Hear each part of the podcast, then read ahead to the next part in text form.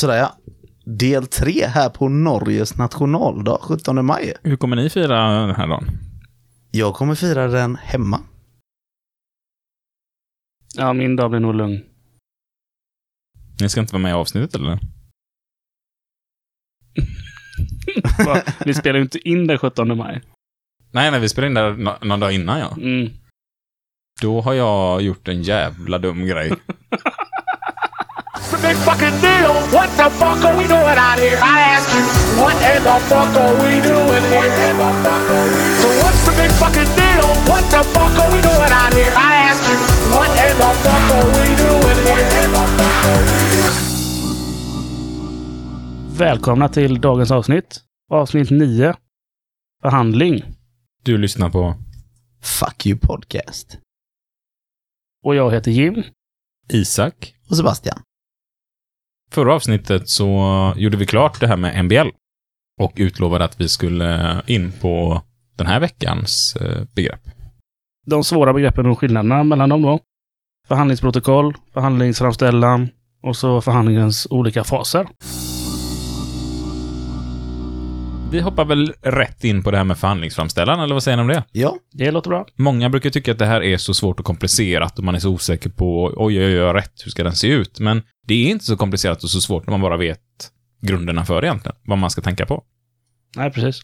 Så vi kör väl det här liksom enkelt och kortfattat nu, så vad är det första man ska tänka på? ja ska man, först och främst ska man skriva högst upp att det är en förhandlingsframställan. Jättetydligt och enkelt. Då går det ju liksom inte att misstolka det, eller hur? Nej, var supertydlig i det här. Det är väldigt bra. Ja, så ingen står där och jaha, var det en förhandlingsframställan? Nej, jag trodde det var en åsikt ni hade eller något sånt där, utan då, det går ju inte att vara tydligare, eller hur? Nej. Därefter så bör det ju stå vem är den här riktad till? Alltså vilket bolag är det till? Och där är det organisationsnumret som ska finnas med också. Så att det är tydligt vilket företag det är riktat till. Och var hittar man ett organisationsnummer? Det kan man göra genom att bara söka på internet, så finns det flertalet olika sådana här gratissajter som visar vem det är, vilket företag det är. Och eh, då ser det ut som ett personnummer ungefär. Eller ungefär, ganska exakt Ja, som ett personnummer. Ja. Men det är väldigt viktigt att man gör det så att inte företaget säger jaha, du menar på den här arbetsplatsen för vi har ju en annan arbetsplats och vi trodde det var den du menade på. Så där har ni de här två absolut simpla, simplaste sakerna. Att det är ju en förhandlingsframställan, så skriv förhandlingsframställan och till vem den är. Så nu hoppar vi vidare i själva formalian här i förhandlingsframställan. Hur brukar du börja där sen, Sebastian? Ja, jag börjar ju med en tydlig rubrik, alltså brott mot, det är anledning till kallelse. Då alltså brott mot, ja det kan vara medbestämmandelagen, att de har glömt att förhandla om någonting, det kan vara semesterlag, det kan vara brott om kollektivavtalet. Väldigt viktigt här dock när man skriver kollektivavtalet, då syftar man kanske oftast på riksavtalet, men det är väldigt skrivet att kollektivavtalet fyll i namn på det kollektivavtal ni hävdar. Är det ett lokalt avtal, ja då skriver man ut det. Är det kollektivavtalet, ja då skriver man exempelvis då motorbranschens avtal därefter. För att då visa att det är det avtalet man syftar på. Och därefter så en kort beskrivning på vad det gäller, så att den andra parten har en chans att förbereda sig inför den här förhandlingen, att man eh, ja, helt enkelt vet vad det handlar om. Och där skriver man ju inte en lång roman, utan kortfattat, vad handlar det om? I det här exemplet som vi råkar ha framför oss nu så står det här Företaget har flyttat om ett antal maskiner i produktionen och förändrat i produktionslinjen utan att förhandla. Tydligt, konkret, inte mer än så. Därefter så ska vi tala om på vilket sätt har vi rätt att begära förhandling. Och vad var det vi använde då? Kommer ni ihåg det? Messi. Francesco Totti, ja Ja, precis. Nummer 10 där i MBL, va? Paragraf 10 MBL. Våran rätt som fackförening att kalla på en förhandling. Och då kommer ni ihåg att vi skulle ju yrka på skadestånd också. Det ska ju stå här. Och egentligen oavsett om vi tänker yrka på det eller inte, för att det måste finnas med i förhandlingsframställan att vi kommer att kräva ett skadestånd och vi vet ju inte hur den här förhandlingen kommer att sluta. Och huvudsyftet med att skriva med att vi yrkar på skadestånd, det är ju inte att ta ut ett skadestånd, utan det är ju ett medel som finns där om förhandlingarna inte går vägen fram. Vi har ju inte mycket andra medel att gå på. Nej, alltså går man till domstol och vi har glömt det här, då, då finns inte heller rätten för då fackföreningen att kräva ut skadestånd från arbetsgivaren. Så därför är det så viktigt att ni har med det här på pappret. Och det här kommer garanterat ert företag att hoppa på er för. Och vad är det här för hot? Om inte vi gör som ni säger så, så kommer ni kräva ut skadestånd och så. Men det är bara att skita i det, det är bara att förklara, det här måste vi ha med. Och liksom, vi har rätt i det där, för ni har brutit mot lagen och det står faktiskt i Ja, lagen. och vår förening är på oss om att vi måste skriva med det här varenda framställan vi gör. Och man kan ju formulera det på ett trevligt sätt. Jag brukar skriva någonting i stil med vi förbehåller oss rätten att yrka på skadestånd. Så låter det i alla fall lite mildare. Har man inte gjort det här innan så kanske man första man lämnar in talar om detta. Att eh, vi är inte ute efter ett skadestånd här, utan vi är ute efter en konstruktiv, bra förhandling där vi båda två kan gå härifrån nöjda. Eh, men vi behöver ha med det här. Ja, och det är därför är det så viktigt också att, att man framgår liksom att om förhandlingen är en intressetvist eller en rätts... Gud, är för tunghäfta här. Rättstvist eller en medbestämmande förhandling. Ja, precis. Är, är det här nu en intressetvist, då skriver man givetvis inte med någonting om ett yrkande på skadestånd. Man skriver ju heller inte att det är ett brott mot någonting, utan är det nu den här chokladfontänen vi vill förhandla in, då har vi ingen lag som talar om att vi har rätt till en chokladfontän. Då kan vi inte yrka på ett skadestånd i den här förhandlingen, utan då kallar vi på en förhandling om att vi, vi skulle, snälla rara, vill jag ha en chokladfontän i omklädningsrummet. Men när den lagen kommer, då jävlar är ni snabba och skriver förhandlingsförställningar om detta. Ja, det måste ni göra. Sen handlar det om datum också, att man skriver ett förslag då egentligen att förhandlingen genomförs och så fyller man i ett datum vart också, det vill säga ja, i det stora konferensrummet, konferensrum 1 eller vad det nu kan heta. Men också att ni får med om förslagen eh, förhandlingsdag eller tid inte passar, så kontakta undertecknad för att komma överens om annat datum eller tid. Men det kan vara bra att berätta byggnader här också. Vissa ställen kan vara väldigt stora, det kan vara väldigt utspridda. Och, så Ja, de är inte så på alla- samma Nej, plats. precis, de kan vara på olika delar i regionen eller landet till och med. Och det här kan ju se ut lite olika på olika företag, hur det nu är. Och ni kommer ihåg att förhandlingsframställan, det är bara om ena parten begär det så den måste finnas där. Men jag tycker att det alltid är bra att lämna in en sådan här. Ja, för det hjälper ju nämligen för att ni ska ju sluta den här då signera ja, stad och datum. Och sen signerar ni med ett eget namn när ni skickar det här. Och det är väldigt viktigt att man ändå så får ut det här i förhandlingsframställan för att om man ska prata om förhandlingsvägran i framtiden, där de ska kalla två veckor innan ska man liksom ha tryckt upp på förhandlingen eller på något sätt meddelat att man har mottagit den här. Då, då är det väldigt bra om ni har den här signerad med ett rätt datum. Ja, men då behövs det ju också ett bevis på att ni har skickat detta. Och gör ni det mejlledes så föreslår jag alltid att man går in och begär ett svarskvitto så att ni får ett bevis på att mottagaren har tagit emot detta. Och i de flesta internet eller mejltjänsterna så kan man klicka i detta i inställningarna. Är man osäker på det så rekommenderar jag att man istället lämnar över det som en papperslapp. Och då kan man till och med, om man har problem på sin arbetsplats med vad som är sagt och vad som är gjort, eh, ta en kopia där helt enkelt den andra parten får skriva under att jag har tagit emot detta. Så har ni ett bevis på att vid det här datumet togs det emot. För det är ju nämligen så att gör man det här muntligt och sen eh, går det en månad eller två och så lyfter ni frågan igen, varför händer ingenting? Nej, men vadå, ni har inte kallat på en förhandling och nu har preskriptionstiden gått ut. Och det är ju en ganska tråkig grej att behöva gå upp i domstol för att avgöra hade vi kallat på förhandling eller inte innan preskriptionstiden hade gått ut. Och preskriptionstiden, det är ju den tiden vi har på oss att lyfta en fråga innan det blir ogiltigt. Mm. Om vi gör en kort sammanfattning här nu då. För att det ska bli en kort, eller kort, en eh, korrekt förhandlingsframställan, så ska vi tänka på, till vem är den? Det ska tydligt framgå att det är en förhandlingsframställan. En rubrik och ett ärende. Vad är det som har hänt? Vi begär förhandling i enlighet med tionde paragrafen i MBL. Vi förbehåller oss rätten att yrka på skadestånd. Så vi har alltså rubriken, till vem, vad har hänt, paragraf 10, skadestånd och så förslag med datum och vem är det ifrån. Men vi lägger ut en sån här liten förenklad på vår Facebook. Ja, det kan vi absolut göra. Mm. Mm. Och svårare än så här är det inte. Och eh, vill man att det ska se riktigt proffsigt ut så, ja men tillverka en liten egen mall där ni lägger in eh, kanske fackförbundets logotyp och lite sånt här. Och så har man alltid den som man kan utgå från. Så ser det ju också väldigt proffsigt och eh, fränt ut. Mm. Men det behöver det inte göra. En förhandlingsframställan måste inte se så himla proffsigt ut. Jag hoppas att eh, det här var så att den sitter nu som en smäck, som man säger. Det gamla uttrycket. Över till förhandlingsprotokoll då. Ja, Det man förhoppningsvis tar fram efter förhandlingen, eller slutskedet av förhandlingen. När vi tittar på det här med förhandlingsprotokoll så finns det inga formella regler i lagen om hur det här ska se ut, utan Ja, man kan väl ha en del grejer med sig som man bör ha med i alla fall. Så kan vi konstatera för att det lätt ska gå att avgöra efterhand vad man har kommit fram till, om det här behövs tas upp igen och det händer... Det kan alltså, frågan kan ju leva kvar efteråt. Vad börjar du, Jim? Jag hade börjat med att skriva vilka parter, alltså vilka som är där, personer som är där och vilka roller man har och var man kommer från, fackförbund och företag.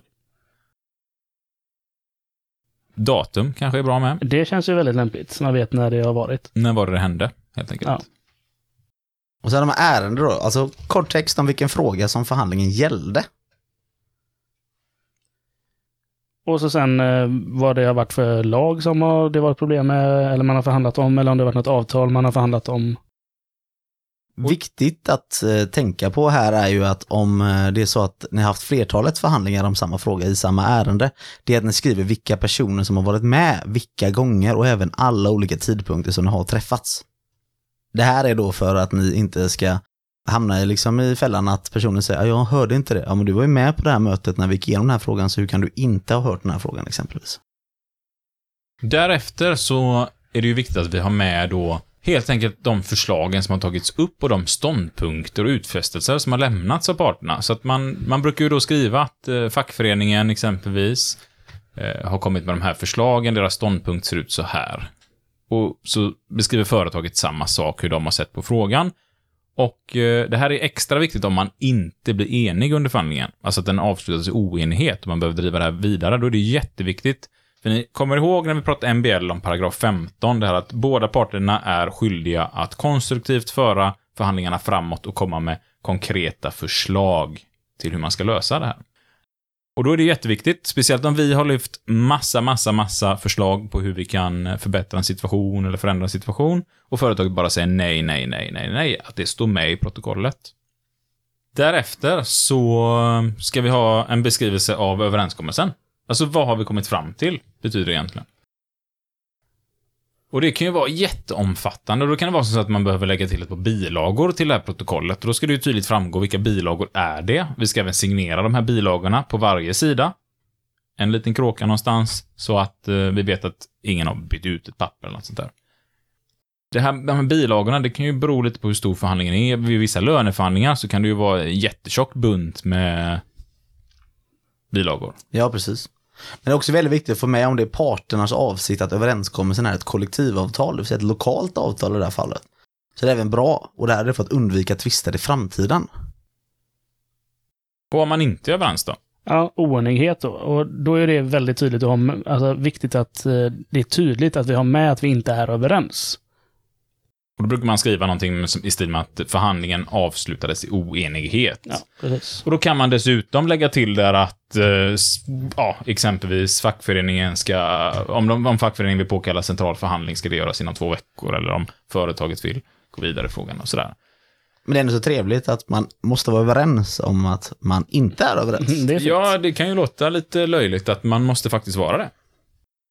Och det, det finns ju förhandlingstekniker där man försöker få den ena parten att tala om att eh, man är oenig väldigt snabbt, så att man ska kunna lägga ner ett ärende. Men det får man inte göra, för att man måste ju ha prövat allt i MBL innan man kan vara oenig. Man måste ha testat, kommit med alla förslag och då ska det tydligt framgå i då noteringen av förslag och utfästelser, alltså vad man har tyckt och tänkt. Är det nu så att man är oenighet, då ska oftast central förhandling påkallas och det kommer vi ta upp lite senare i avsnittet. Mm. Men eh, det här var väl det vi behöver tänka på vid protokoll, förutom då kanske all formalia kring eh, justering. Mm. Alltså en väldigt viktig grej är ju det här med justeringen är ju att båda parter har ju samma rätt att avgöra vad som ska stå i protokollet. Det är inte så att företaget bara kan bestämma att så här är det, för om det är de som skriver. För man ska ju vara överens om vem det är som skriver protokollet i början. Det är alltid ett bra sätt att börja förhandlingen med, vem skriver protokollet? Och vilka justerar? Och där tycker jag en jättebra grej är att tänka att jag kanske inte finns kvar här om ett par år. Företaget kanske har bytt ut de här cheferna. Så folk skulle kunna begripa det här protokollet i efterhand. Så att innan ni justerar protokollet, alltså skriver under att ni godkänner det här protokollet, ge det till någon annan som inte har suttit med i förhandlingen och säg, du, Kalle eller Lotta, kan inte du titta på det här och berätta för mig, vad står det? Vad har vi kommit fram till?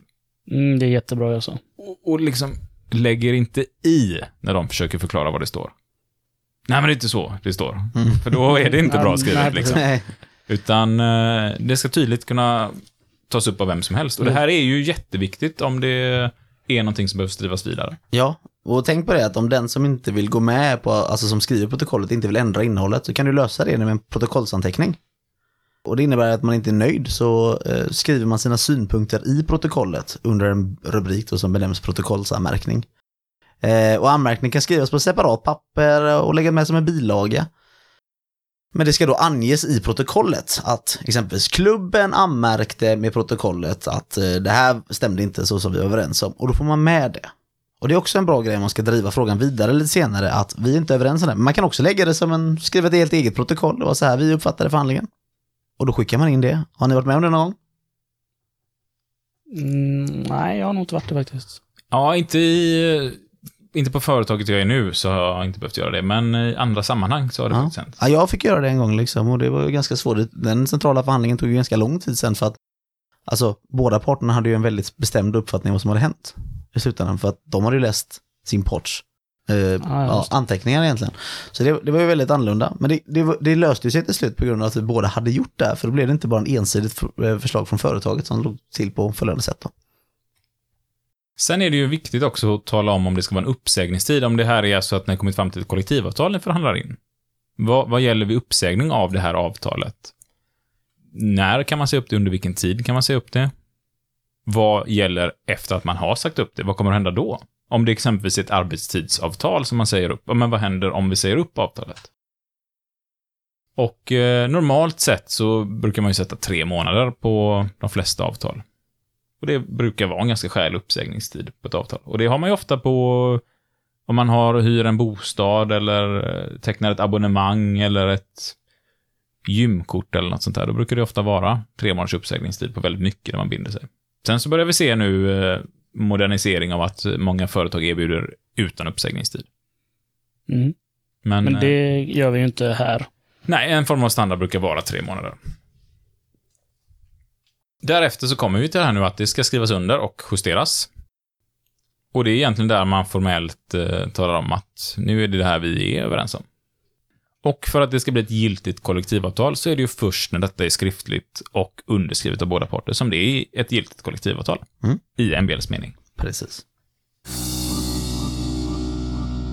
Nu tänkte vi hoppa in på det här då som vi har benämnt som svåra begrepp och skillnader i saker och ting. Och det, vi tänker ta lite sådana vi har redan nämnt mycket av det hittills i podden, men lite sådana grejer som folk ofta blandar ihop eller är lite osäkra kring. Så reder vi ut de här begreppen nu. Ajournering var ju ett sånt här vi gick igenom. Det är ju proffsigare att kunna sitta på en förhandling och säga vi behöver ajournera oss en stund. Än vad det är så här, dö, vi tar en paus. Men... Eh, Väldigt göteborgska. Ja, det är jag bytte lite dialekten. Sen är det ju så här att det är ganska löjligt, för det finns väldigt mycket svåra ord som används i olika sammanhang av det enkla syftet av egentligen lite härskarteknik och trycka ner andra, att man ska visa sig lite bättre än alla andra. Och gud vad jag kan. Eh, och det är ju ganska löjligt alltså. Ja, vi håller med. Men det ser inte folk om ni inte säger något. Så det är väl tur att du svarar. Eh, nej men och så är det ju så att inte, nej. egentligen, varför ska vi använda de här svåra orden? Jag förstår mig inte riktigt på det. Men det är viktigt att vi känner till dem, så att vi inte känner oss dumma när vi sitter i förhandlingsrummet. Ja. Men eh, vi kan väl börja reda ut skillnaden på det här med avtal, kollektivavtal och riksavtal. Mm. Och ett avtal då, det är ju, alltså det gäller ju enbart mellan en individ och, och det kan ju, alltså en individen och chefen då kanske. Och det kan vara muntligt och skriftligt. Ja. Och eh, i sådana här tillfällen så är det ju som så muntliga avtal gäller. Ja. Har chefen lovat att ja, men du ska få den här lönen, den här firmabilen eller det här, då gäller det. Men det svåra här oftast är att bevisa det sen och det här är ju så vanligt, är, så vanliga ärenden. Alltså jag hade ett sånt här samtal i den här veckan. Där en person har börjat på en arbetsplats, blivit lovad en lön. Ja, du börjar på den här lönen, men efter tre månader så kan vi höja det till detta. Och jag vet inte, man får ju aldrig samtalet där de har hållit vad de lovar. Så jag vet inte hur vanligt det är, men väldigt vanligt att de inte håller vad de lovar i alla fall.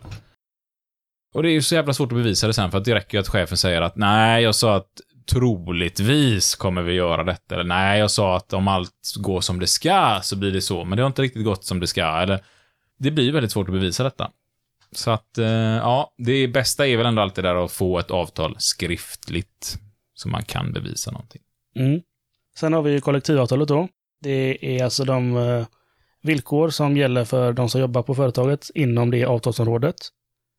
Och för att det ska vara giltigt då, som vi sa förut, så ska det vara underskrivet av båda parterna. Ja. Och då behöver det ju inte vara alla anställda i det företaget inom avtalsområdet som det gäller. Utan Det kan vara en viss grupp, att det här gäller för kassörskorna exempelvis. Eller det här gäller för arkitekterna på kontoret. Eller det här gäller för lokalvårdarna. Men det är ett kollektiv som gäller alla de lokalvårdarna i gruppen. Precis. Och ett riksavtal då, det är alltså ett kollektivavtal som reglerar löner och allmänna anställningsvillkor, alltså villkor för eh, alla arbetstagare inom ett helt område då, som för mig och Isak är motorbranschen till exempel. Det gäller oftast alla företag som är anslutna till en arbetsgivarorganisation. Det är det vi oftast benämner som kollektivavtalet. Mm. Ja. Vilket är egentligen är lite fel att säga, men det är ju så vi säger i folkmun och Ja, alla säger det. det är ju ett kollektivavtal också. Ja, precis. precis. Ja. Det gäller bara på riksnivå. Ja. Ja, men det var väl de begreppen då. Om vi hoppar in på de här nu. Rättstvist, intressetvist, medbestämmandeförhandling. Det var vi lite inne på här när vi pratade om förhandlingsframställan. Och då kanske det dök upp ett par frågor där. Det brukar i alla fall göra när man håller kurs. Brukar ett par händer åka upp och så får man säga vänta lite med frågorna. För man vet att det brukar vara de som kommer. Och eh, om vi ska beskriva det här kortfattat nu då, Sebastian. Vad är en rättstvist? Ja, det är oenighet om tolkning eller innebörden av en bestämmelse i lag eller avtal. Alltså, vi, vi, vi tolkar lagen på olika sätt. Exempelvis arbetsgivaren har brutit mot MBL eller semesterlagen. Och så har vi en annorlunda tolkning, då är det en rättstvist. Sen har vi en intressetvist då, som är en annan sak och det är då en oenighet i fråga som inte finns i lag eller avtal. Det vill säga den här chokladfontänen i, eh, ja, i lunch, eller vad det? Ja, men vi vill ha någonting, eller vi önskar någonting, eller vi vill förändra något där det inte finns ett lagligt stöd till att förändra det. Liksom. Det, det finns ingenting vi kan kräva för att få det, utan... Eh, Och viktigt att tänka på intressetvister är att de kan man inte driva till Högsta domstolen. Som du sa i, var det förra avsnittet då? Ja, det blir ju svårt att driva det här. Vi ska ha en chokladfontän och så säger de i, högst, i, i Högsta domstolen, eller Arbetsdomstolen eller något liknande att... Eh, varför då? Ja, för vi vill det.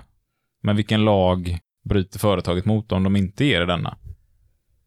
Och den lagen har vi inte än. Men eh, vi är ju många lyssnare i den här podden och jag börjar ju känna mig ganska övertygad om att vi tillsammans ska kunna påverka politikerna för att få in lagen om chokladfontän i omklädningsrum.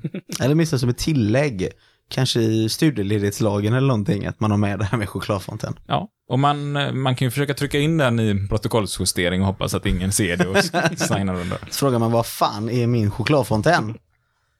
En medbestämmandeförhandling då? Vad innebär det begreppet? Ja, det är alltså att en arbetsgivare är skyldig att förhandla innan de gör viktigare förändringar. Det är som vi pratade om förra avsnittet om MBL 11, där arbetsgivaren då ska göra detta innan man verkställer ett beslut. Ja, så det är alltså ingen tvist, utan det är att man kallar på en förhandling om att det här har vi tänkt genomföra. Ja. Hur ska vi Det är där gå tillväga kallar det. tillsammans? Ja. Kan man säga liksom. Mm. Mm, det var de begreppen. Och då har vi de här begreppen med lokal förhandling och central förhandling. Och det har vi ju börjat prata om, men du kanske hoppar in i podden lite senare sådär. Och eh, alltså podden har ju ett upplägg där jag slår i mikrofonerna ibland. Jag försöker undvika det.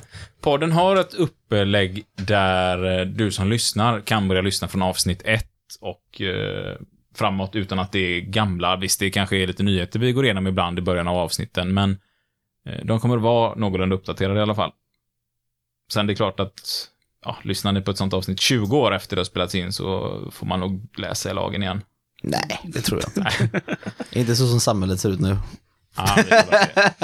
Ehm, så att, lyssna gärna tillbaka om du inte har lyssnat på de gamla avsnitten. Men en lokal förhandling, kort och gott, det är en förhandling som sker mellan de lokala parterna på arbetsplatsen och det brukar ju då vara arbetsgivaren och klubben eller exempelvis ett avdelningsombud eller kontaktombud eller vad Ja, MB-gruppen. MB-gruppen. Ja, Sektionen. sektionen. Alltså det finns ju massa olika namn på det här. Eh, Men det är det man pratar om, det är alltså det är två lokala parter.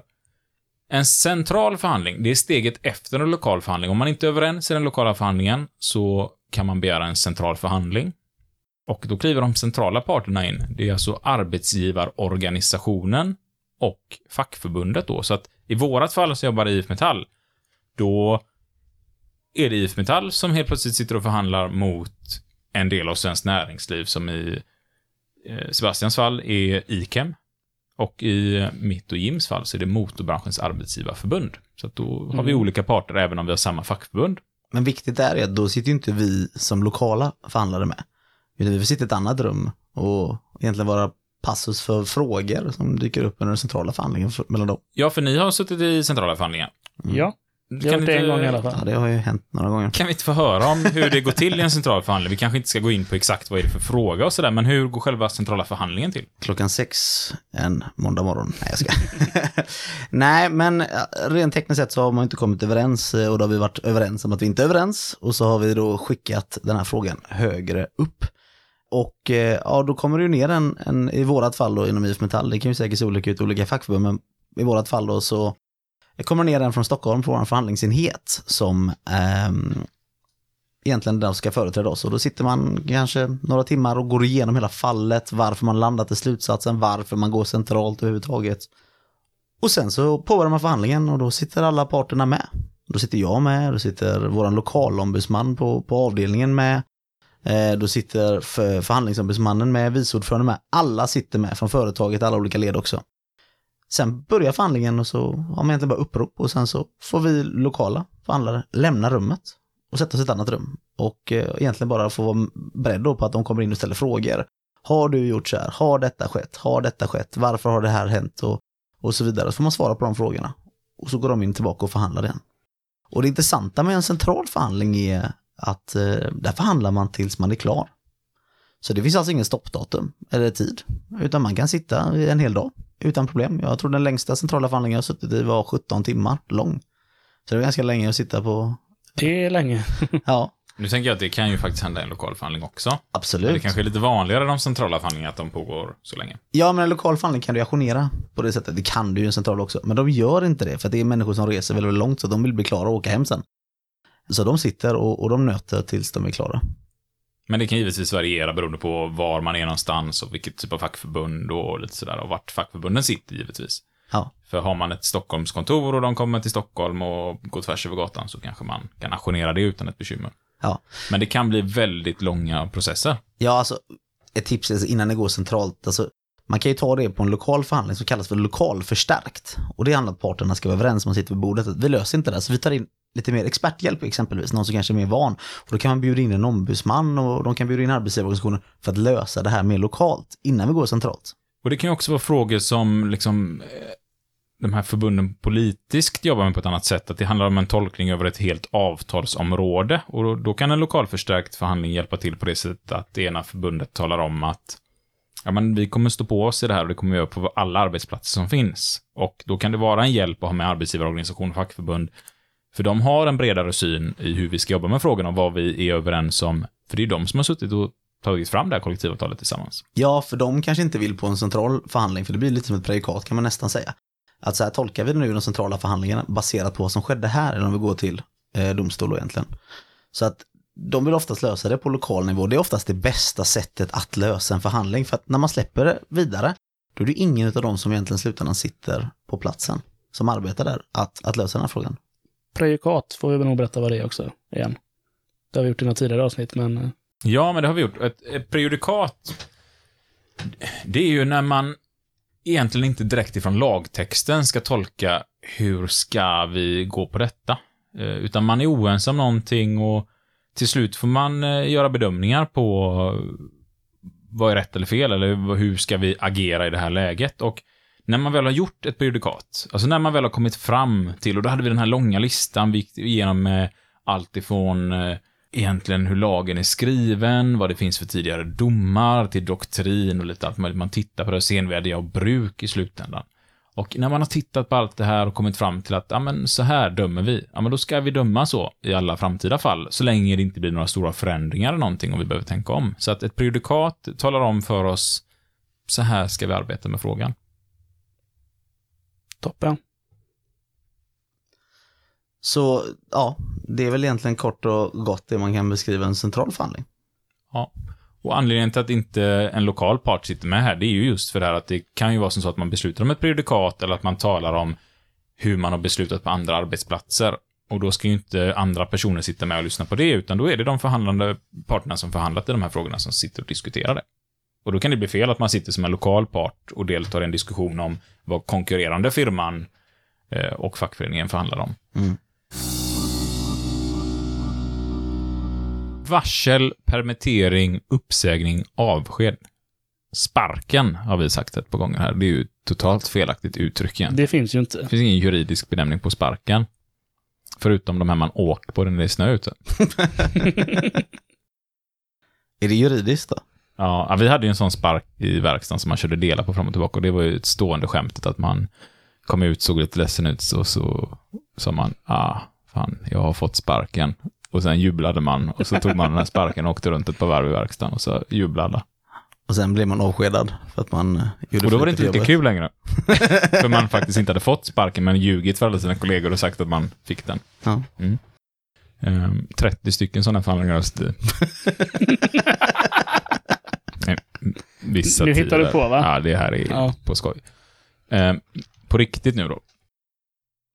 Varsel, och det är ju den informationen som man ska lämna egentligen ut att vi har för avsikt att kanske potentiellt säga upp ett visst antal arbetstagare.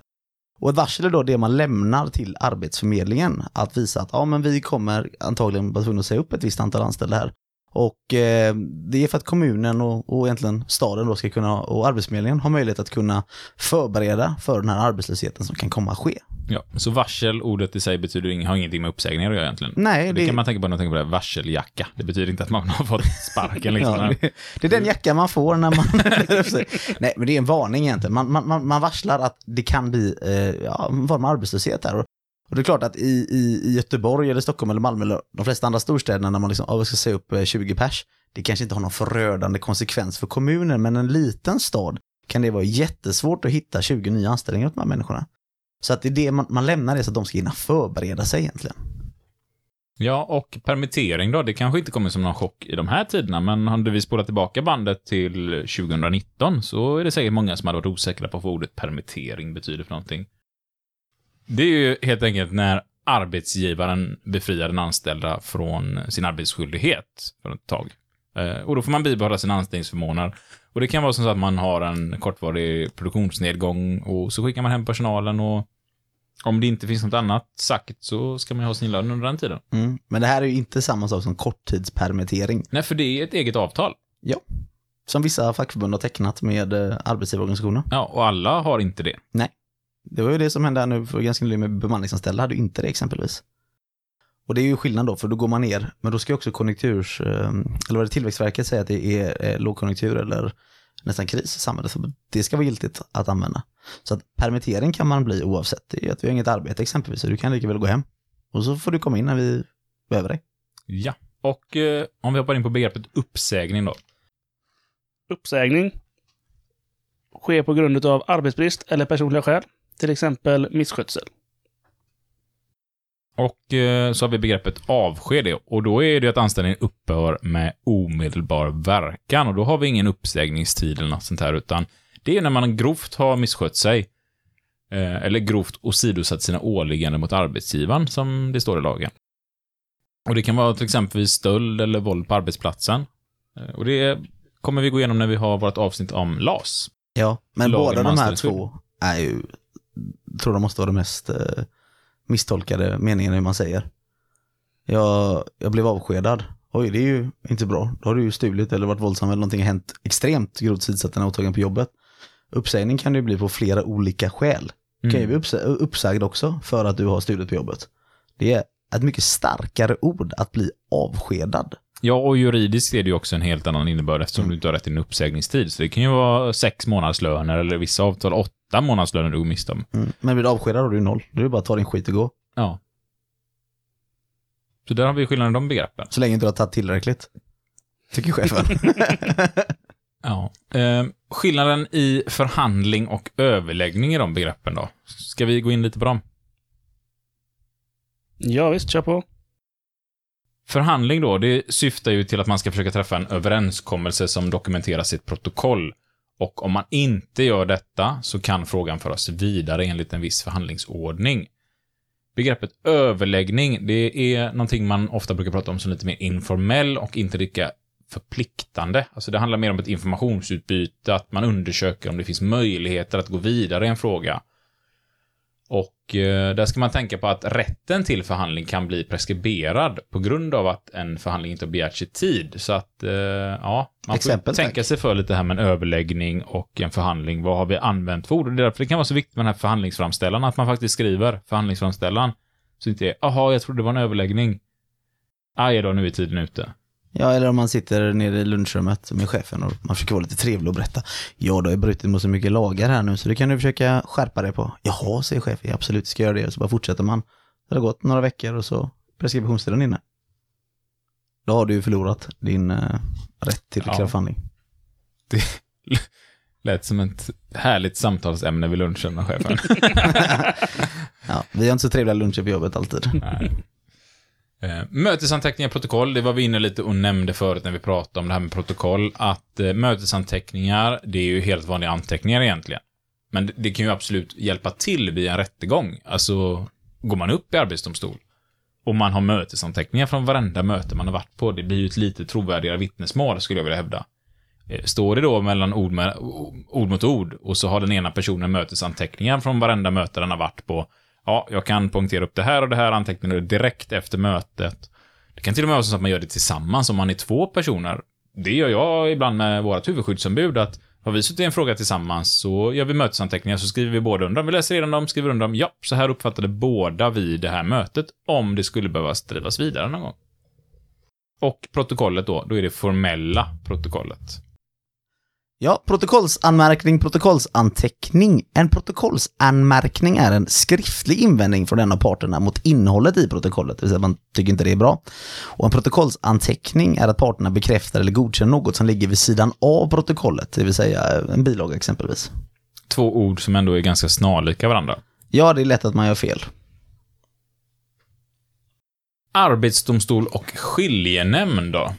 Jo, eh, sammansättningen av Arbetsdomstolen fastställs av regeringen och eh, sammansättningen i en skiljenämnd, det bestäms av de centrala parterna och Arbetsdomstolen har vi varit inne och pratat om i ett avsnitt, eh, medan skiljenämnd har vi inte varit inne på så mycket här, men skiljenämnder, det, de kan avgöra rättstvister mellan olika parter och eh, man kan säga att det, det är liksom en privat rättskipning, så att man kan säga att det är ett alternativ till prövning i domstol. Alltså det är, vi kan utse några parter från oss. Det här är vanligt inom statliga institutioner. Jag tror man brukar prata om en personalansvarsnämnd inom eh, statlig verksamhet, där man har utsett då några, nu får ni lyssnare här jättegärna rätta oss om vi har lite fel här, men man utser en del som är fackliga, en del som är från arbetsgivarsidan och så tar man upp personalärenden som har hänt och diskuterar dem. Hur ska vi tolka de här ärendena? Eh, bedömer vi att den här personen har rätt, eller den här förhandlingen har gått rätt till och vi ska kanske inte prata för mycket om det, utan det Nej, tycker jag vi gör när vi bjuder in någon ifrån ett, eh, en statlig institution helt enkelt. Men vi har ju även i utvecklingsavtalet exempelvis en skiljenämnd som ska hantera tvisttolkningarna på utvecklingsavtalet som vi kommer att prata mer som är en påbyggnad av medbestämmanlagen och vi har exempelvis i mitt avtal, alltså på i-avtalet, en, en nämnd som ska lösa arbetstidsdisputer exempelvis. Så det, det finns olika sådana här nämnder eh, och det kan vara bra att kolla med ett fackförbund vilka frågor de, som, som regleras där om man inte skulle komma överens. Ja, och det finns i verksamhet exempelvis skiljenämnden för arbetsmarknadsförsäkringar som regleras eh, i lagen om skiljeförande då, och eh, det är ju hela egentligen försäkringsvillkoren eh, mellan Svenskt Näringsliv, LO och PTK som regleras där, så det finns ju en egen skiljenämnd för det. Alltså våra försäkringsärenden. Ja, men då kommer vi in lite här på förhandlingens faser. Alltså, hur kan en förhandling gå till? Vad är värt att tänka på både innan och efter? Vad börjar vi, Sebastian? Börja på förberedelser. Och alltså gå aldrig in till en förhandling som arbetsgivaren har kallat till utan då att först veta vad det är arbetsgivaren faktiskt vill förhandla om. Och sätt in er i frågan som förhandlingen rör. Ta reda på fakta. Prata med berörda personer om det är någonting som har hänt. Alltså sätt er ner och läs boken för att det är det värsta som kan ske, är bara gå in och sätta sig och få allting översköljt över sig. Man kan bli ganska ställd. Det blir väldigt svårt liksom att agera därefter. För, Ja, det är också ett ganska respektlöst sätt från företaget om de gör på det sättet. För att eh, vi tycker väl att vi ska förbereda varandra likbördigt där. Och kommer ihåg att MBL pratar om att vi är en jämbördig part. Mm. Och en jämbördig part kliver inte in i en förhandling utan att ha en aning om vad man ska förhandla kring. Ja, det kan bli väldigt konstigt att komma in på en förhandling. Jag vill säga upp två av de anställda för att de har stulit. Utan Och- att veta det innan liksom. Och tror ni att en advokatbyrå hade gått till en förhandling utan att ha en aning om vad det är de går dit för, utan att kunna förbereda sig? Inte en chans. Nej. Och i det här fallet, alltså, tänker att ni är advokater. Och sitter du nu och är advokat och lyssnar på den här fackliga podden för att du också är facklig advokat, ja men, då Jag har en kan, stor du, ledig här till dig. då, då kan du säkert det här. Men för oss andra, alltså försök sätta dig in i, ta den här amerikanska mediebilden av hur en advokat ska agera och sätter in i alla fall. Tror ni att den här personen skulle kliva in och inte ha en aning om vad den sysslar med? Inte en chans. Ja, alltså det är bra att alltid få reda på vad det är som har skett. Alltså, så om det är personer som är berörda, prata med dem. Vad, är- vad är det som har hänt liksom? Och, och vad, vad, liksom, vad, vad är din ståndpunkt i det här? Så att, så att du också kan gå in dit med en förberedelse på att du har hört en annan sak eller du har hört samma sak och, och tycker likadant. Men det, det är väldigt svårt att liksom sätta sig in i det. Eh, om man bara får det översköljt över sig. Förberedelsetid, hur ska man tänka med det Sebastian? Ja, alltså det är väldigt svårt att, att besluta om en förberedelsetid om man inte vet vad fallet handlar om. Så därför får ni själva uppge, okej, men jag måste prata med de här personerna, eller är det här en helt ny lag, eller fan, det här har ju med eh, någon AFS att göra som jag inte är bekant med, jag måste prata med skyddsombudet, vi måste sätta oss och läsa det här tillsammans. Alltså, den tiden får ni därför, därför är det så viktigt att ni ska veta vad det är som det handlar om. Så innan ni kan göra det här. Men hur mycket tid har man rätt till? Ja, det finns ingen gräns egentligen. Det ska, vara skäligt med händelser efter det här. Och vad är skäligt? Jo, om du behöver lära dig någonting eller prata med någon och den personen inte svarar, då får du ta den tiden som du behöver. Eh, Men utred därför då vilken tvist saken gäller och ta reda på vilka regler eh, och bestämmelser som finns i avtal. Det kan ju vara lokala avtal eller centrala avtal eller ja, kollektivavtalet, eh, alltså riksavtalet då, som ni behöver läsa er på. Eh, Och ni kanske behöver ta andra resurser såsom klubben, avdelningen eller ja, alltså förbundskontoret till och med kanske, eller prata med någon advokat som du känner eller ringa någon arbetsrättsjurist. Alltså, det finns ju inga gränser. För det, det viktigaste här är att ni ska liksom, ah, ni ska komma över, överfund med ett uppkommet problem och vad det är ni ska göra för att åtgärda det här liksom. In, och inte bara liksom förbereda en juridisk process för någon annan att driva. Så att ta reda på det som gäller. Och om båda parter vill ha en smidig och bra förhandling där man hittar en bra lösning så ska ju båda ha möjligheten att förbereda sig på ett korrekt sätt och förstå vad det handlar om. Det är jätteviktigt att tänka på. Mm. Och eh, men vår rekommendation är att gå aldrig själv på en förhandling utan se till att ni är två stycken fackliga som går in på den här förhandlingen. Är man ensam som fackligt ombud, ja men ta med ett skyddsombud eller något liknande. Mm. Jag vet inte vad något liknande, ta med ett skyddsombud i så fall helt enkelt. Ja. Ja. Eller något liknande. Analysera även skälen till arbetsgivarens ståndpunkt i frågan.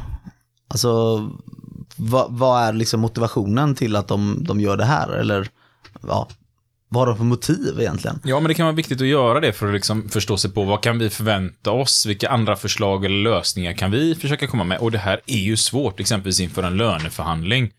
Ja, vad kommer vi få för motargument? Eh, ja, hur mycket pengar finns det att hämta?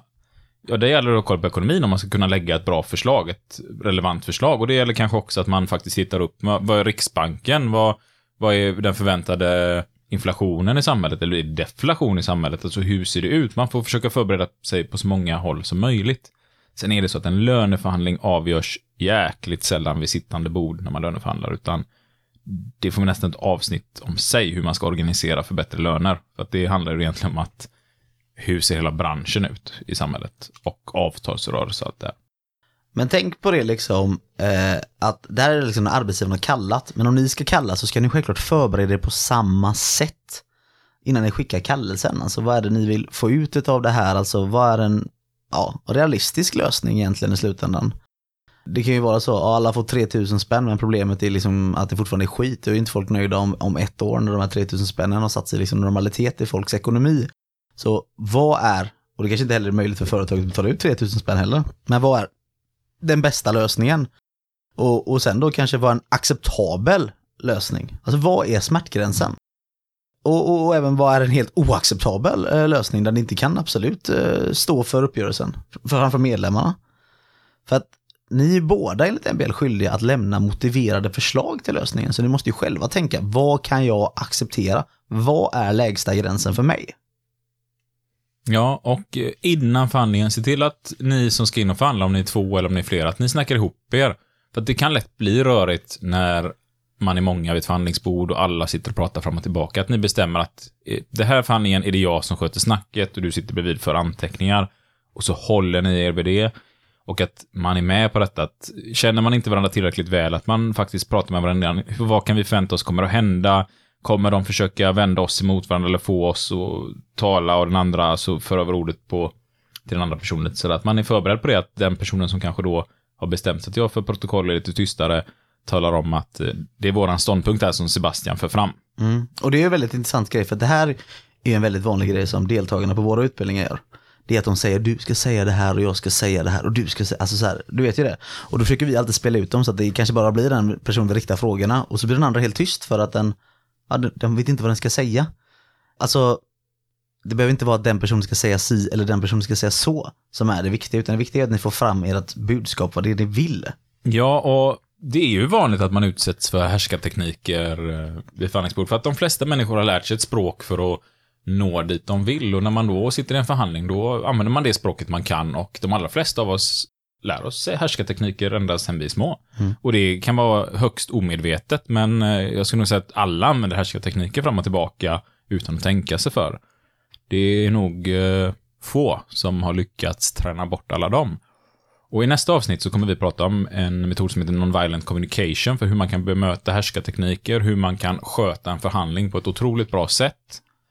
Så vi kommer inte komma in så extremt mycket på själva förhandlingstekniken i det här avsnittet, utan nu lite mer på hur ska vi tänka runt förhandlingen och under förhandlingen. Alltså försök att hitta argument redan innan ni går in i förhandlingsrummet. Vad är det som ni kan använda till arbetsgivarens fördel exempelvis, som, det, som gagnar företaget till den här lösningen också? Och, och även hur ni ska bemöta arbetsgivarens eh, agerande. Alltså hur, ja, jag tror de kommer reagera så här när vi säger detta, men då kan vi lösa detta genom att vi också säger det här efteråt. Alltså. Att man liksom hittar så många steg som möjligt, att man inte ska fastna i att ja, nu blir chefen arg. Förbered då på att chefen blir arg, men att ni har ett annat förslag. Ja, och försök tänka ut innan. Vad vill vi med förhandlingen? Helst vill vi ju gå därifrån att alla är nöjda. Det är ju det bästa läget man kan komma ur en förhandling, att alla parter är nöjda när man går därifrån. Då finns det inga förlorare, det finns bara vinnare. Och det är de här situationerna vi vill försöka hitta. Och i de flesta fall så kan vi hitta sådana lösningar och eh, då kan vi ha med oss att vi kanske måste motivera varför är vårt förslag en win-win, som man kallar det lite modernt sådär. Varför är det en win-win för båda parter? Och det kanske vi behöver motivera på ett bättre sätt, för det är inte säkert att den andra parten förstår vad det är vi menar och vad vi syftar till.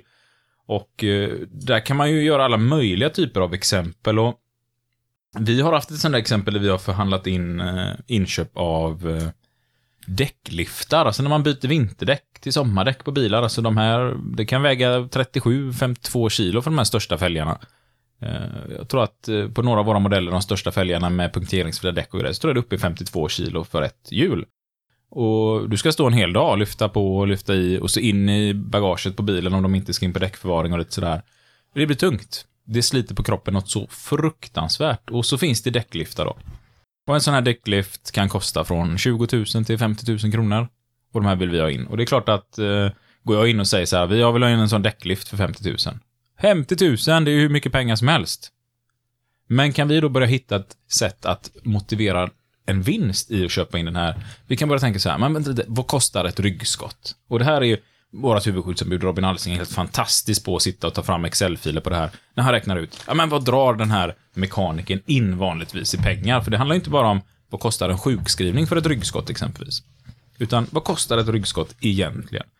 Personen är inte på sin arbetsplats, kan då inte dra in timdebiteringen till företaget, så det kan ju vara på två veckor kanske 80 000 kronor som företaget tappar på att man inte varit på jobbet. Och så ska de dessutom betala sjuklön, ett ryggskott, ja det kanske kommer flera gånger om man väl har fått ett ryggskott. Så att ett litet simpelt ryggskott, ja men det kan vara 80, 90, 100 000 kronor det kostar. Ja, Det kanske inte kostar så mycket, men det är missade pengar man inte har tjänat in. Och kan vi då gå in och säga så här, istället för att säga, ja men vi vill ha en däcklift för 50 000, så går vi in och säger så här, vi har hittat ett sätt att spara 100 000 kronor på. Per Sura år? på chansar jag på. Per år? Nej, det blir de inte sura på. Ja, hur då? Hur har ni räknat? Jo, men första året så kommer det kosta oss 50 000 kronor att köpa in den här. Men redan första året så sparar vi in ett ryggskott, så då går vi 50 000 plus. Så på ett år är den avbetald. Nästa år, ja men då gör vi 100 000 i vinst på att det här ryggskottet inte blir av. Året därefter 100 000. Nu, nu är det här väldigt simplifierat här, men det är en metod man kan använda där man faktiskt kan försöka hitta vinsterna i detta och förklara det här kan ni vinna på det och där har ju, nu vet jag inte om alla fackförbund kör samma modell, men på våra IF Metallkurser så har vi en sån här fin modell vi ofta målar upp eh, med en tabell. Vad vill företaget ha? Varför driver man ett företag? Man vill ha vinst. Precis, vinst. Och för att företaget ska få vinst, vad behöver de hos oss som jobbar på företaget? Ja, att man gör ett bra jobb. Att vi utför ett bra jobb. Och vad är det vi vill ha som arbetar på ett företag? Lön. Bra jobb. Ja, men absolut. Alltså lön, arbetsmiljö, allt sånt där som faktiskt gör ett jobb bra. Det är ju det vi vill ha. Men för att vi ska kunna få bra lön, eh, bra arbetskläder, belysning och allt det där, eh, då krävs det ju att företaget har någonting. Mm, ja, det är ju vinst. Ja, det är ju vinst. Eller pengar. Så att det är ju egentligen samma saker vi allihopa behöver. Sen är det klart att resursfördelningen kommer vi kanske alltid vara oense om. Men den här modellen kan vi försöka använda när vi ska in och förhandla, att vi innan förbereder oss. Okej, vad kan vi plocka fram som kommer att gynna båda parter? Mm. Och jag lovar, att i de allra flesta fall så kommer vi kunna hitta det. Ja, de kommer inte bli så sura på er när ni kommer in och vi har sparat pengar åt er. Absolut. Men en viktig grej att tänka på är också att man ska stäng, stämma av liksom, eh, alltså det man har tänkt liksom i kanske styrelsen eller medlemmar. Alltså det beror på hur stor arbetsplats man har och möjligheter man har att diskutera. Så att man inte trampar folk på tårna liksom. Eh, ja, företaget har den här avsikten att göra så här, vad, vad tycker ni om det här, vad, vad, vad, vad tycker vi ska ha med oss i förhandlingen liksom. Då blir också medlemmarna inkluderade, vilket gör att de också känner liksom en större ägandeskap i föreningen, vilket jag bara tycker är positivt. Och sen då ska ni bestämma vilka som ska ingå i den här förhandlingsdelegationen då. Ja, det kanske är folk som ska vara med via telefon, för att man kanske inte behövs för vissa sakfrågor exempelvis. Och, och bestäm också eh, vem i delegationen som ska anteckna exempelvis och vem som ska sköta snacket så att säga. För det är ganska bra eh, att man har den, att någon som sitter och antecknar egentligen, det du pratar om här med minnesanteckningar. Det är väldigt bra om man har någon som bara följer efter och ser vad som sker, för man kan lätt snurra bort sig i sitt eget huvud när man sitter i en förhandling. Och sen är det också så här att eh, oavsett vad vi människor gör så kommer vi och eh, utstråla någonting. Vad jag än väljer att göra med min kropp så kommer det att sända ut en signal till mottagaren. Och det spelar ingen roll om jag, om jag bara sitter still och blundar så sänder ju det en signal. Antagligen att jag ser ganska trött ut eller uttråkad ut och inte engagerad. Ja, I förhandling känns det ju Ja, väldigt eh, oengagerat. och ser arg ut. Vad jag än väljer för att klä mig för kläder så kommer det också signalera en signal. Och det ska vi också vara medvetna om att vi faktiskt förbereder oss innan och vi är en jämbördig part. Vilket betyder att står du och jobbar i arbetskläder och du ska in i förhandlingsrummet, du har rätt att gå och byta om och göra dig i ordning så att du är en, en likvärdig part när du kliver in där. Om du vill så vill sätta på dig en kostym eller om du vill helt enkelt bara sätta på dig lite renare arbetskläder om du nu jobbar arbetskläder. Tänk att ni är kirurger, precis gjort en hjärt hjärttransplantation och sen ska ni in och förhandla, inte gå in och sätta det där i blodiga kläder liksom. Får man säkert inte ens lämna Nej, det, det låter inte så lämpligt. rummet kanske. Men, men alltså man ska ju givetvis ha möjlighet att byta upp och likadant. Står du och skruvar med bilar eller är bagare och har arbetskläder på dig så har man absolut rätt att gå och byta om så att man kan ha på sig någonting där man känner sig bekväm i förhandlingsrummet. Det är värt att tänka på. Mm. Och då tycker jag man ska tänka på att man är hel och ren och respektabel. Och med det sagt så betyder inte det att man ska klä ut sig till någon annan än den man är, utan nej men sätt på er någonting ni är bekväma med och som man kan ha vid ett förhandlingsbord. Och eh, fundera ändå på hur kommer jag uppfattas när jag ser ut på det här sättet? Och hur vill jag uppfattas? Och det kan ju vara en sån enkel sak som att man vill kanske inte kliva in och uppfattas som aggressiv. Om vi vill nu väldigt gärna vill ha den här chokladfontänen, så det är väldigt dumt om vi kliver in och ser aggressiva ut vid förhandlingsbordet och skrämmer upp våra motpart. Så då kanske vi inte ska ha på oss den här tröjan det står Death på magen, sådär coolt. Har du många sådana tröjor? Ja, jättemånga sådana. Jag. Utan då sätter vi på oss den här med Happy. Happy på magen.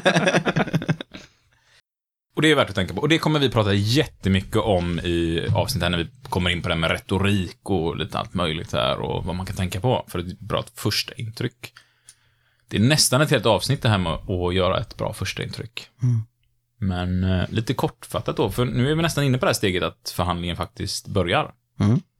Och jag brukar alltid göra så här att eh, ni har säkert allihopa hört, nej det kanske ni inte har, men flera av er har säkert hört som lyssnar på podden, eh, sådana här föreläsare kring eh, bli det yttersta av dig själv, bli det bästa av dig själv, live life to the fullest och så här. Och så pratar man ofta om en undersökning där man tittade på en plånbok och jag har inte de exakta uppgifterna här nu, men eh, det var någon sån här dyr märkesplånbok. Jag tänker inte göra reklam för märket. Och den här plånboken visade man upp för massa försökspersoner. De fick titta på den här plånboken och så fick de sätta ett betyg 1 till 10 och de visste inte vad det var för plånbok. Men hur snygg tycker du den här är? Och folk satte ja, en trea, en tvåa, en etta. De tyckte inte den var något vidare snygg. Och sen visar man upp den för lika många människor igen, men talar om att det här är en märkesplånbok av det här märket. Den kostar 10 000 kronor. Hur snygg tycker du den är? Och folk satte en 10 i betyg. Och så här funkar ju vi människor ofta. Att status, det är inte bara utseende, utan det är vad vi signalerar ut, vad vi har för typ av status. Så att redan innan jag ska in i ett förhandlingsrum, då försöker jag tänka på detta. Vad är jag för plånbok nu? Är jag den här billiga plånboken som ingen tycker om, eller är jag den här dyra plånboken? Och då menar jag lite mer än bara så. Alltså, hur, vad vill jag signalera? Vill jag signalera professionalism och att jag har koll på de här lagarna och avtalen innan jag kliver in? Eller vill jag signalera osäkerhet och att jag inte riktigt vet vad jag sysslar med? Det får jag försöka mentalt redan innan jag kliver in i förhandlingsrummet sätta mig in i att man peppar upp sig själv helt enkelt. Då kan det vara en bra grej att tänka på den här plånboken. Som vissa tyckte var fin och vissa tyckte var ful fast det var samma plånbok. Ja, jag brukar alltid eh, aldrig vilja gå direkt från arbetet rätt in i en förhandling, utan jag vill alltid gå och sätta mig ner och ta ett glas vatten och tänka lite på egen kammare. Det är så jag fungerar bäst att förbereda mig för en förhandling. Så att hitta det sättet som får er att komma in så avslappnade och lugna också i förhandlingen som möjligt. Att det inte blir att ni kommer rätt i, ifrån, eh, ja, suttit i kassan exempelvis och bara går rätt in och sätter en förhandling och ska gå rätt ut sen igen. Utan det är ganska viktigt att ha rätt state of mind tycker jag när man går in och sätter sig. Och vara beredda på också redan innan att den här förhandlingen kan ta tid. Vi behöver inte vara klara idag. Absolut. Och försök att redan innan ni kliver in i rummet så är ni i den här sinnesstämningen. Så att vill ni nu signalera att oh, jag känner mig trygg, glad, eh, det här kommer bli en bra förhandling, det här kommer vi lösa. Ha den känslan innan du kliver in i rummet. För det första som händer när du kliver in i rummet är att den andra parten kommer titta på dig, förhoppningsvis hälsa. Och blixtsnabbt så läser vi människor av varandra och tar in signaler och bestämmer oss för hur ska vi bemöta den här personen vi ser. Och ser man en person kommer in som redan är, ser glad ut, trevlig ut innan man kliver in i rummet, ser trygg ut redan innan man har klivit in i rummet, så kommer det vara så de här människorna uppfattar dig när du kliver in. Så det är jätteviktigt att tänka på. Är det som så att det är en förhandling där man nu är det på skarpen, ja men då kanske man vill signalera det när man kliver in i förhandlingsrummet att nu är det här allvar när jag kliver in här. Och sen försöker man tona det lite att ja, som ni ser så är det här allvarligt, men nu ska vi höra alla och lite sådär. Så att, sätt stämningen när du kliver in. Och det kommer också göra att du lite får sätta stämningen för hela förhandlingen. Mm. Värt att tänka på. Därefter så behöver man ju liksom klargöra varför är vi här? Vad handlar ärendet om? Vilka mandat har vi som är på plats här? Så alla oklarheter mellan parterna reds ut det första man gör, så man vet det är det här vi sitter för. Ja, och vad har man för mandat att genomföra det är oerhört viktigt för att det är helt värdelöst att sätta sig med någon som ska bara gå iväg och fråga någon annan vad det är som gäller. Utan har personen rätt att sitta där och säger de nej personen har inte tid idag. Nej, men då säger vi då tar vi den förhandlingen när den personen har tid. Ja, för i slutändan är det en förhandlingsvägran annars. Ja, alltså det är bara slöseri med energi alltså från ert håll att sitta där med någon som måste kolla hela tiden uppåt. Ja, men hämta den personen som har rätt att förhandla. Har ni fått mandat ifrån er klubb, styrelse, sektion att förhandla, då har ni också det yttersta mandatet att göra det. Då sätter du inte med någon som måste gå och prata med någon annan hela tiden stupet i kvarten för att det kommer bara bli att ni kommer vara jätteöverens om någonting, sen ska den prata med sin chef och den chefen säger nej det går inte så. Så kommer den tillbaka, personen tillbaka med bara säga nej, det blir inte så här. Och vad har ni vunnit då? Ingenting. Ni har bara blivit sura, ledsna, förtvivlade och förbannade. För vi ska vara en jämbördig part. Tillbaka till detta. Vi är en jämbördig part. Acceptera aldrig något annat än att vi är en jämbördig part. Det går liksom inte att poängtera nog. Vi skulle inte skicka ett ombud någonstans som måste springa hela tiden och fråga alla andra. Företaget sitter och löneförhandlar. Ja, kan vi lägga 30 kronor på den här personen? Ja, jag vet inte, jag måste gå och höra med klubben. Alltså, det, det, så gör ju inte vi. Och då ska företaget inte behandla oss på samma sätt heller. Det är respektlöst och det ska ni inte tolerera. Då ska ni tala om att, hur ni upplever det. Och Mm. där är non-violent communication exempelvis. Finns andra förhandlingstekniker också, ska jag nämna. Eh, men det är jättebra tekniker att använda. som kommer i nästa avsnitt. Sen är vi inne i förhandlingen då och då ska vi egentligen eh, utse protokollskjuts, eller protokollförare. För att eh, det är ju viktigt att vi antecknar ner vad som händer under förhandlingen. Men oavsett vem ni beslutar vara protokollförare, så för era egna anteckningar. Det går aldrig att anteckna för mycket. Men det går att anteckna för lite. Och här finns ju inget rätt eller fel vem det är som är protokollförare. Antingen är det företaget eller så är det ni eller så är det den som har kallat som skriver eller varannan gång. Det finns inget rätt eller fel. Eh, Oftast är det ju en fördel att själv vara protokollförare. Ja, för då absolut. kan man ju diktera det här pappret som man vill. Sen ska man ju göra det med respekt givetvis, för det är ju förtroende att sitta och förhandla. Det bygger på att vi har förtroende för varandra, så man ska ju inte dölja ord, men det gör ju ändå att det är ert ord och det ligger väldigt mycket makt i pennan, som man säger. Eh, Eh, gå gemensamt igenom bakgrunden till förhandling och sträva att uppnå en gemensam uppfattning vad det är som har hänt och vad som är orsaken till själva förhandlingen. Det blir alltid mycket bättre då, för då diskuterar ni om samma sak. Alltså jag har ibland förhandlat med en person som gärna tolkar baserat på vad han själv tycker. Eh, det blir väldigt lågproduktiva förhandlingar där nästan man lägger 75% av förhandlingen bara på att förklara vad det är som har hänt. Och det blir bara slöseri av energi och det blir inte positivt. Inte ens om det är en positiv förändring blir den positiv, för det blir bara negativt i slutändan. Så försök liksom att gemensamt vara, vad är det som har hänt? Eh, har alla pratat med samma personer? Har man fått samma uppgifter så att man är lika så som Isak säger? Mm. Och nu tänker inte vi hoppa in på vad gör man om saker och ting går snett, om man får härska tekniker och sånt där emot den. Utan nu pratar vi mer om en förhandling som går någorlunda rätt till här. Eh, nästa avsnitt som sagt kommer vi gå igenom förhandlingsteknik på. Vi kommer ha avsnitt lite längre fram där vi går igenom lite mer om härskartekniker. Hur gör man om man blir trakasserad av sin chef? Jag tycker definitivt vi ska ta in någon fackling som har drivit ett sånt ärende på högre nivåer. För det är inte så många som vågar det. Nej. Det är tufft att göra. Sen kan ni gemensamt även gå igenom vilka bestämmelser som finns i de avtal ni kanske har skrivit eller om det finns någon lag som säger som berör just det ni, ni förhandlar om. Eh, och försök uppnå liksom, ja, någon form av samsyn. Liksom, och vad tycker vi om det här? Stämmer det? Uppfattar vi båda samma sak? För det kan bli jävligt svårt om ni båda har två olika uppfattningar och ska diskutera hur man löser det baserat på det man båda hävdar. Och när ny information kommer fram i förhandlingen som ni inte har känt till innan och som gör att ni, oj, det här visste inte vi. Ajournera mötet. Det vill säga pausa mötet, tala om att ja, nu har det tillkommit information som inte vi har haft från början. Vi behöver bearbeta eller gå igenom den här informationen, eller vi behöver höra med vår organisation hur vi ska hantera den här äh, nya informationen. Vi föreslår att vi tar en timmes ajournering i det här mötet, eller en veckas ajournering, eller tio minuter om det är något enkelt och snabbt. Viktigt är att ni är överens om när förhandlingen ska börja igen. Så inte det blir så, ja ah, men ni ajournerade den förhandlingen och tog en paus. Nu är det ni som får kalla igen. Alltså, nej. Nu- Det får vara lite sans. Liksom, sätt bara, ja, vi ajournerar till onsdag klockan 12. Och man kan även göra som så att man kan begära rådrum och då pratar vi alltså lite längre tid. Eh, Sen om vi kallar det ajournera eller rådrum, Det är samma sak, man tar en paus i förhandlingen. och gör det för guds skull. Eh, När vi kör de här förhandlarutbildningarna så brukar vi alltid ha ett roligt case där vi spelar arbetsgivare och kursdeltagarna Ska ni nu gå en sån här förhandlarutbildning med oss så får ni hålla för öronen nu. Eh, Men då delar vi ut ett case där eh, deltagarna är helt övertygade om att vi kallar på en förhandling där vi ska ta in ett bemanningsföretag ifrån Polen. Och eh, med en gång så tänker ju folk lönedumpning, nu ska de ta sänkta löner.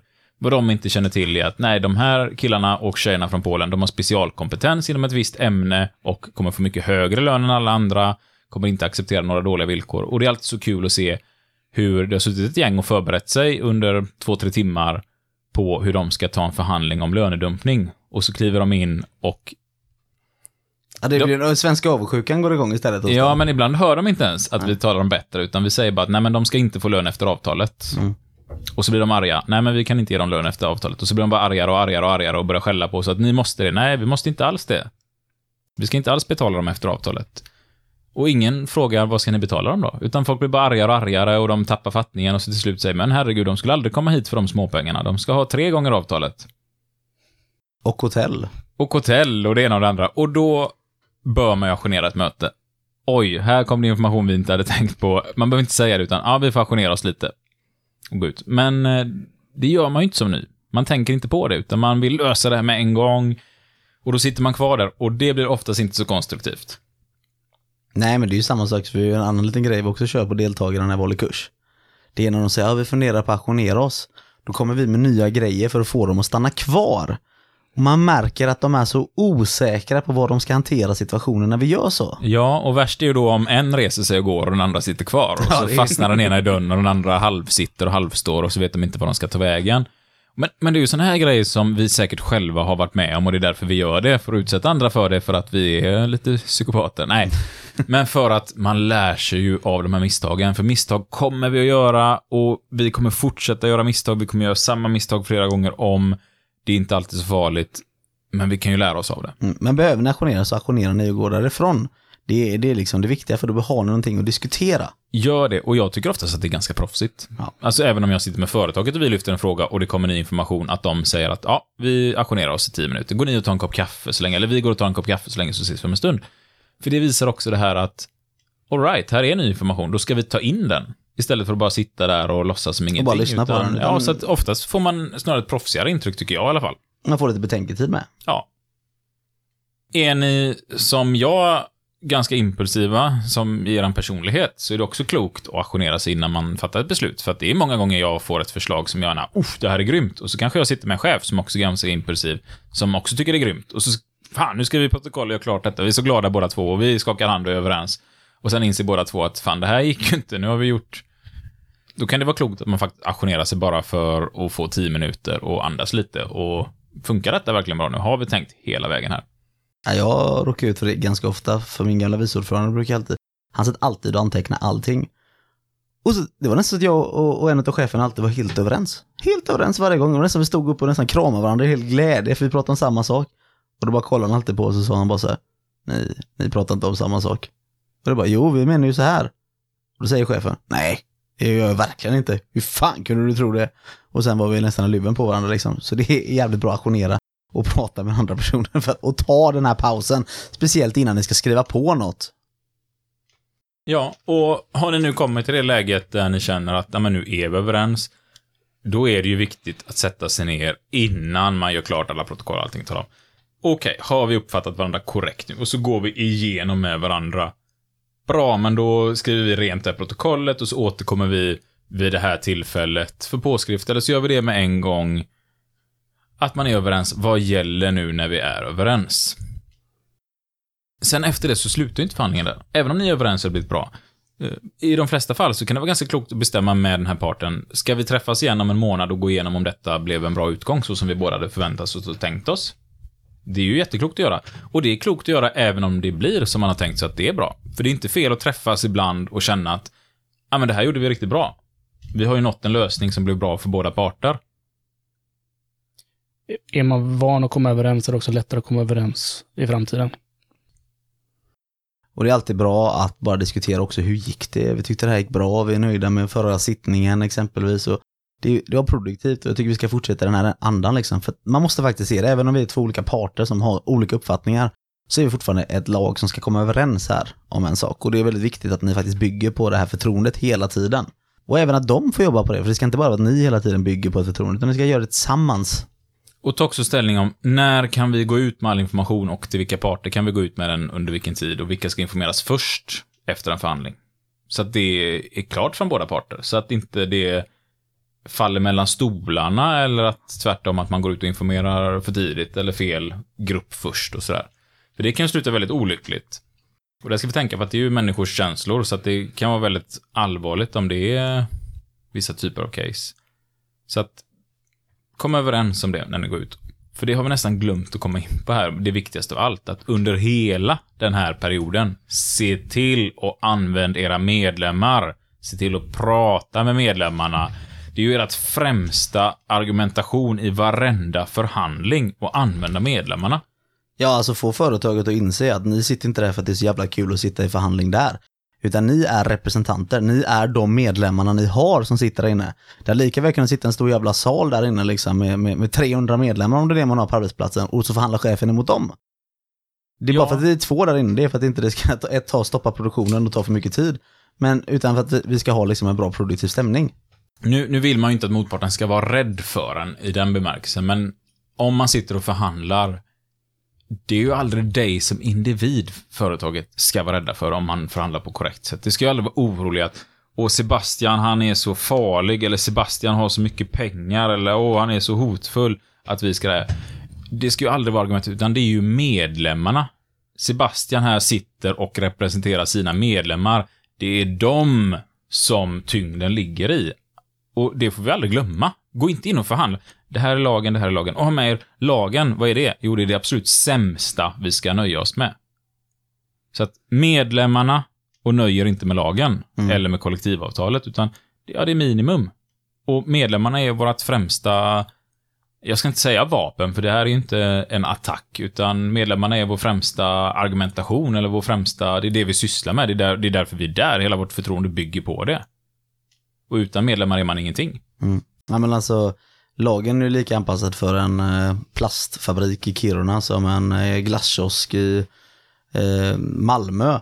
Och det är bara basic. Ni ska komma på vad som gäller bäst på er arbetsplats tillsammans och hitta den lösningen som ni kan arbeta framåt med.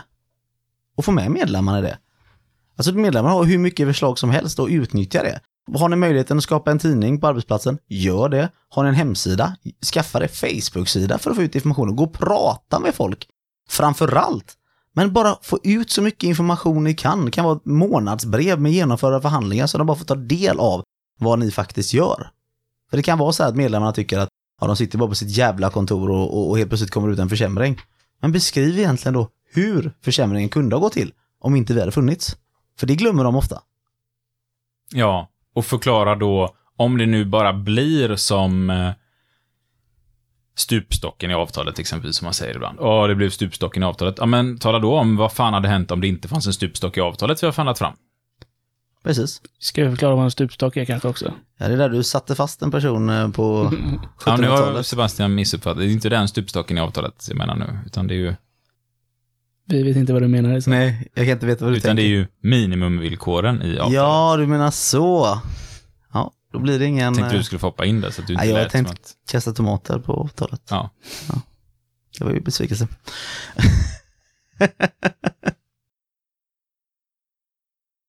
Ta ställning om ni inte kommer överens eh, om ni ska begära central förhandling.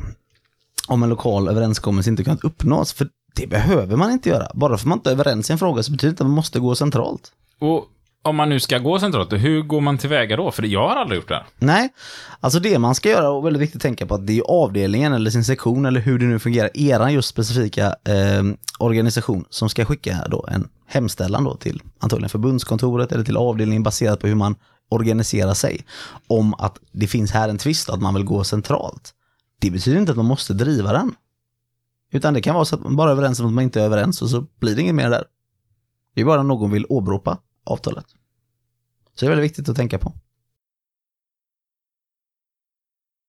Och slutligen då, var noga innan protokollet justeras, så att ni tittar på det och eh, som vi tipsade om tidigare här, be någon annan kolla på det. Och läsa det och komma fram till vad det står och förklara för er vad det står. Lämna över det till någon, säg jag vill att du förklarar för mig vad det står här. Vad har vi kommit fram till? Vad är det som gäller? Efter det, justera, skriv under. Och nu har vi gjort en förhandling. Ja, Då kommer nästan det viktigaste.